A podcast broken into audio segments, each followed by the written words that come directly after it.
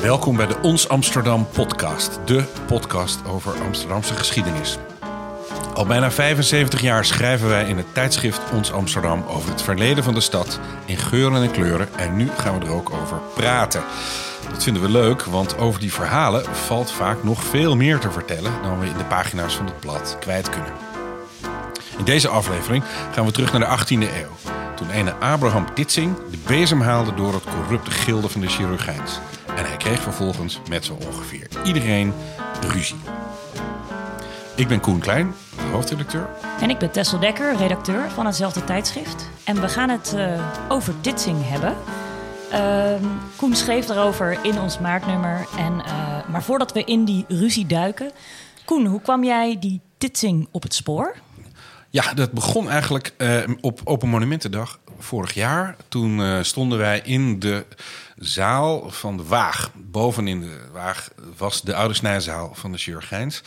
Het is een prachtige zaal. En op het plafond daarvan hebben de overlieden van dat gilde hun familiewapen aangebracht. Daar waren ze ook heel trots op dat ze zo'n baan hadden.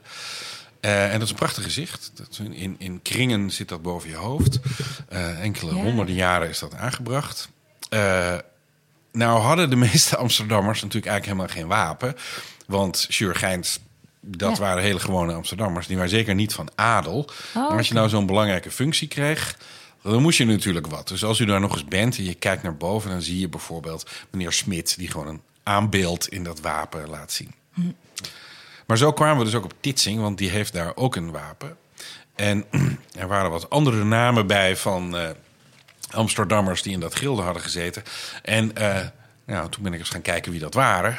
En toen kwamen we dus via Abraham Titsing een heel schandaal op het spoor. Uh, die Abraham Titsing, wat was dat nou eigenlijk voor een man? Ja, Titsing is geboren in uh, 1685 en overleden in 6, 1776. Dus hij is heel oud geworden. En hij was de, de zoon van een chirurgijn. Zijn een vader, Amsterdamse chirurgijn. Amsterdamse chirurgijn. Zijn vader was chirurgijn uh, aan boord van schepen. Dus die, was, uh, die trok ten strijde met de, de Vaderlandse vloot. En daar is hij ook in gebleven. Hij is in een zeeslag met de Fransen gesneuveld. En die jonge Abraham wilde dus ook, als, al toen hij heel klein was, zelf ook chirurgijn worden. En op zijn elfde is hij toen al in de leer gegaan bij een meester chirurgijn. En vervolgens zelf ook naar zee gegaan. Dus hij heeft het vak eigenlijk geleerd aan boord van schepen.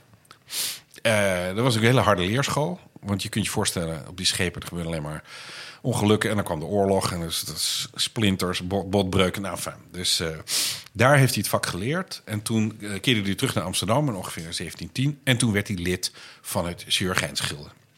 In de uh, Waag, hè, op de Nieuwmarkt? Ja, dat, dat... Uh, maar hij moest lid worden, want, want als je dat vak wilde uitoefenen in de stad, dan moest je daarbij. En um, ja, zo'n gilde daar. Uh, en dan moest je dan een soort proef afleggen. Dat je kon laten zien dat je het ook echt kon. En dan kon je dus in de stad gewoon je, je bedrijf uitoefenen. en dat is hij gaan doen. En uh, je vertelde al over uh, dat het op schepen heel, heel gruwelijk was. Wat, wat deden die chirurgijns nou precies? Hoe zat dat nou? Uh, ja, hoe ontstond eigenlijk dat beroep en wat betekende ja, dat, het nou eigenlijk dat, precies? Dat, interessant is dat. Namelijk, de, het chirurgijns gilde, dat was toen in de 17e eeuw een heel keurig en gerespecteerd gilde. Maar het komt eigenlijk voort uit het gilde van de barbiers. Dus in de 16e eeuw was er maar één gilde, het barbiersgilde. En als je nou denkt, wat hebben chirurgijns met barbiers te maken? Een scherp mes. Ja, dus, want barbiers zijn eigenlijk kappers. Of, kappers. Of, ja. En die scheren met een scherp mes. En met datzelfde scherp mes konden ze ader laten. En, eh, en andere handelingen verrichten waar je liever niet over nadenkt, zonder verdoving. Uh, maar in 1550 is dat gesplitst tussen zeg maar, de echte kappers en de chirurgijns. En vanaf dat moment is er dus een gilde voor mensen die zich met de medische wetenschap bezighouden. Uh, maar dat zat een beetje raar in elkaar in Amsterdam. Of liever gezegd, het was heel goed georganiseerd. Uh, dat moet ik even uitleggen. Je had eigenlijk drie groepen in de stedelijke gezondheidszorg. Aan de bovenkant stonden de artsen. Dat waren dus mannen die hadden gestudeerd aan de universiteit en die waren gepromoveerd. Dus dat waren doctores medicinae. En daarom noemen wij artsen nog steeds dokter. En dan had je een hele grote groep apothekers. En die waren heel belangrijk, want die uh, maakten de geneesmiddelen. Dus die maakten zalfjes en poeders en drankjes. heel ingewikkeld werk. Want sommige van die geneesmiddelen hadden wel tientallen ingrediënten. En die konden ze natuurlijk niet allemaal uit de lokale kruidentuin halen. Maar die moesten uit Venetië worden geïmporteerd of uit Frankrijk. Ja, ja. Dus dat was een heel ingewikkeld werk. En, eh, en dan waren er de chirurgijns. En dat waren eigenlijk de uitvoerders. Je moet je voorstellen, als je ziek was, dan kwam dus de dokter aan je bed en die stelde de diagnose. Maar de behandeling werd uitgevoerd door de chirurgijns. Nou, in Amsterdam was dat zo geregeld dat die doctores medicinae en de apothekers die vormden een college, het Collegium Medicum. En die bepaalden dus eh, hoe dat in Amsterdam eraan toe moest gaan. Ze schreven bijvoorbeeld een farmacopee. Dat was een handleiding voor apothekers. Waar je in precies kon lezen hoe, hoe die recepten moesten worden samengesteld. En als er iets niet was, wat je dan daarvoor kon gebruiken. En het andere wat die mensen van het collegium deden, was lesgeven aan de chirurgijns. Ah, en dat is dus eigenlijk ook eh, wat je op dat beroemde schilderij van Rembrandt... van de les van Dr. Tulp ziet. Ja, precies. Ehm, dat is wel een heel goed schilderij hiervoor. Het hangt helaas in Den Haag, maar het is een hele Amsterdamse scène. Waarschijnlijk ook gemaakt in de Waag, 1632. En daar zie je eigenlijk het hele systeem in beeld. Dus je hebt een Amsterdamse arts, Nicolaas Tulp, die in Leiden heeft gestudeerd. En die geeft les aan de chirurgijns. En daarvoor gebruikt hij een lijk dat ook uit Leiden komt. Aris het kind heette die eh, man. En het wordt bovendien geschilderd door een kunstenaar die ook uit Leiden komt. Uh, wat je er niet op ziet, is dat die ontledingen publiek waren. Dus uh, ze duurden een paar dagen en er werden kaartjes voor verkocht. En gewone mensen konden dan komen kijken wat daar gebeurde. Dat was natuurlijk een beetje luguber, maar het was wel een, mooie, uh, een mooi stukje entertainment in de stad. Echt voor gewone mensen, dat was denk ik wel voor gewone mannen, niet voor gewone vrouwen. Ik geloof dat iedereen erbij mocht. Ja, mochten ja. vrouwen er ook bij? Ja, er zijn nog wel okay. wat van die kaartjes over waarop staat uh, wat het kostte. En er staat ook op dat je, dat je niks mee mocht nemen na afloop. Dus je mocht niet ergens een duim of een oor of zo oprapen en mee naar huis nemen. Ja, wat je ook uh, aardig is aan dat schilderij, is, uh, ja, je kunt er een hele aparte podcast aan wijden. Maar wat er aardig aan het schilderij is, is dat wat je daar ziet, is niet precies zoals het is gebeurd. Omdat die ontledingen gebeurden in januari, als het koud was, zodat het lijk zo lang mogelijk goed bleef. Dus de chirurgijns begonnen met de stukken die het eerste zouden bederven. Dus de buik. Die zou het eerst worden opengesneden. En wat je op het schilderij ziet, is dat Tulp bezig is met een pees in de arm. Daar zou hij dus veel later aan zijn toegekomen. Maar voor het plaatje vond Rembrandt het kennelijk mooier om dat grote witte lijk te laten zien. Ja, ja, ja. En nog even, hoe, hoe weten we eigenlijk wie dat lijk was? Ah, omdat hij in Amsterdam ter dood gebracht is wegens een, uh, een, een mislukte beroving. Hij probeerde iemand zijn jas te stelen. En diegene had zijn jas nog aan, dus het werd een hele vechtpartij. En toen bleek dat deze Aris uh, eigenlijk een veelpleger was. Hij had ook al in Utrecht gezeten en zo. Dus toen hebben ze hem de doodstraf gegeven. Toen is hij gewurgd. En als extra straf werd dan je lijk aan de chirurgijns gegeven. Ja.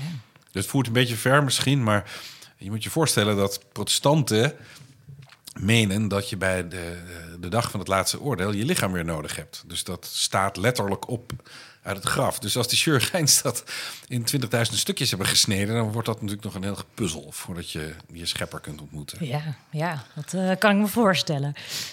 Uh, maar we gaan weer even terug naar Ditsing, want die kwam dus bij het gilde. En wat trof hij aan? Ja, nou, hij uh, werd dus overman. Ze zaten met z'n zessen in het bestuur. En hij zag meteen dat een heleboel van corruptie en vriendendienst aan elkaar hing.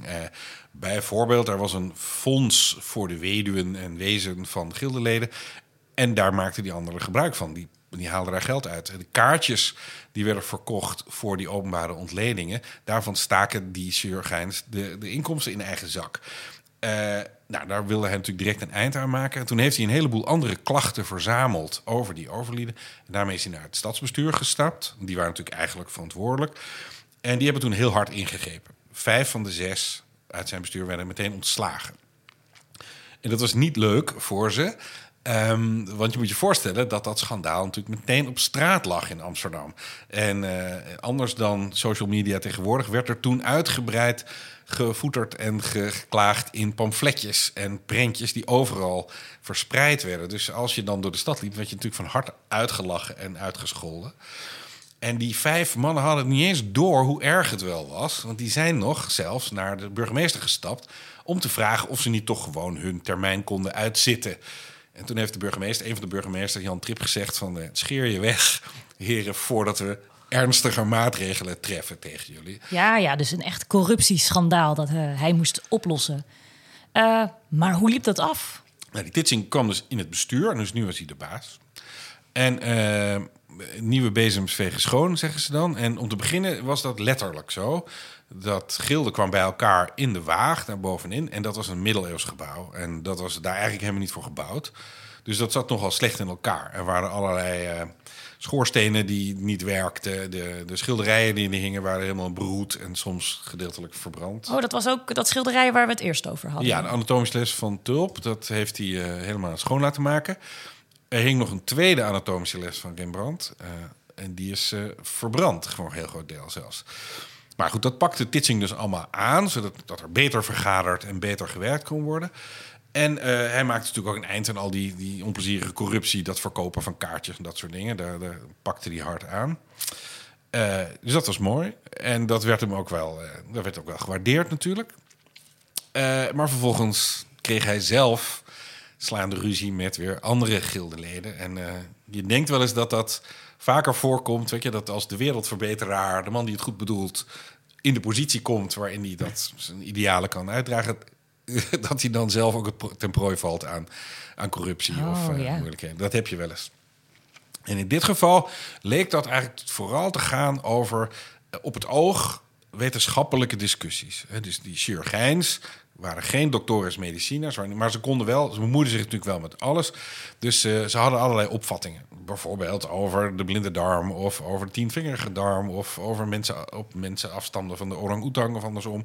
En ehm, en in dit geval over, bijvoorbeeld over het open ruggetje, de spina bifida. En eh, dat deden ze, die discussies, in, het, in hun gildekamer. Maar ze deden ook in het openbaar door verstandige pamfletjes te schrijven... of traktaatjes die dan de wereld in werden gestuurd. En die lijken dan te gaan vooral over dat meningsverschil. Maar ondertussen zagen ze de poten van de tegenstander af. En worden er hele nare dingen gezegd over de andersdenkende. En daar kreeg Titsing een hele stijve tegenstander in, in Hendrik Ulhoorn, ook een chirurgijn. En die bestoken elkaar dus om eh beurtelings met dat soort pamfletten. Eh, om te beginnen over het open ruggetje.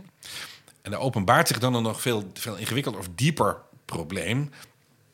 Namelijk dat deze Titsing had het vak geleerd aan boord van een schip. Die had dus in de praktijk leren snijden en, en al die handelingen verrichten. En Ulhoorn had in Parijs gestudeerd. Die had aan de universiteit gezeten. Dus die had een wetenschappelijke achtergrond. Die zat, zal wat beter thuis zijn geweest in zijn Latijn en misschien wel zijn Grieks. En Titsing vond dat natuurlijk onzin. Die zei, chirurgijns, dat zijn eigenlijk toch hele gewone mensen. Die moeten zich vooral geen pretenties hebben over dat ze ook artsen zijn. Nou, die discussie, die woekerde jarenlang voort. En maakte natuurlijk het werk van dat gilde ook heel lastig. Wel ja, want er moest ondertussen wel behoorlijk lesgegeven worden. En Ulhoorn had wel door dat als zo'n praktijkman als Titsing ook echt les zou moeten geven, dat hij dan door de mand zou vallen. Dat hij dan niet echt de wetenschappelijke achtergrond had om dat goed te doen. Maar was het nou persoonlijk of eh, was het eh, wetenschappelijk? Ja, het was eigenlijk eh, beide.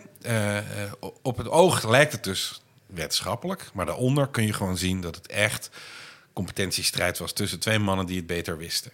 En dat is in Amsterdam heel, heel gewoon, komt heel veel voor. Eh, het heeft ook iets te maken natuurlijk met baantjes. Eh, de, de, de, samenleving in Amsterdam was een burgerlijke samenleving. En eh, als je je omhoog werkte tot overman van het chirurgijnsgilde... en jezelf een familiewapen aanmat, dan was je wat. En dat is, je kunt je een beetje voorstellen, zoals wij ons dat voorstellen van Spanjaarden en Italianen... dat ze heel erg op hun ponteneur staan en heel erg gekwetst zijn als, als hun eer wordt aangetast. Dat speelt dus hier dus ook een rol. En ze voelden zich aangetast in hun status. Ja. En dat laten ze geen twee keer zeggen. En dan pakken ze de pen. En dan, eh, dan pakken ze hun tegenstanders aan. Dus Titsing die wist niet echt de tijd te keren rondom die corruptie. Ehm, maar werd dat later nog beter of bleef het corrupt? Nou, het was niet zozeer eh, corrupt, hoewel weet ik eigenlijk niet hoe, dat, hoe dat is gegaan. Het is wel zo dat het gedonder in dat gilde, dat bleef maar doorzeuren. En eh, op een gegeven moment greep natuurlijk ook daar weer de stadsregering in. Want er moest natuurlijk wel ordentelijk lesgegeven worden. En ze hebben het uiteindelijk pas 30 jaar later netjes opgelost door het anatomisch onderwijs, dat dus door die artsen werd gegeven, onder te brengen bij de universiteit.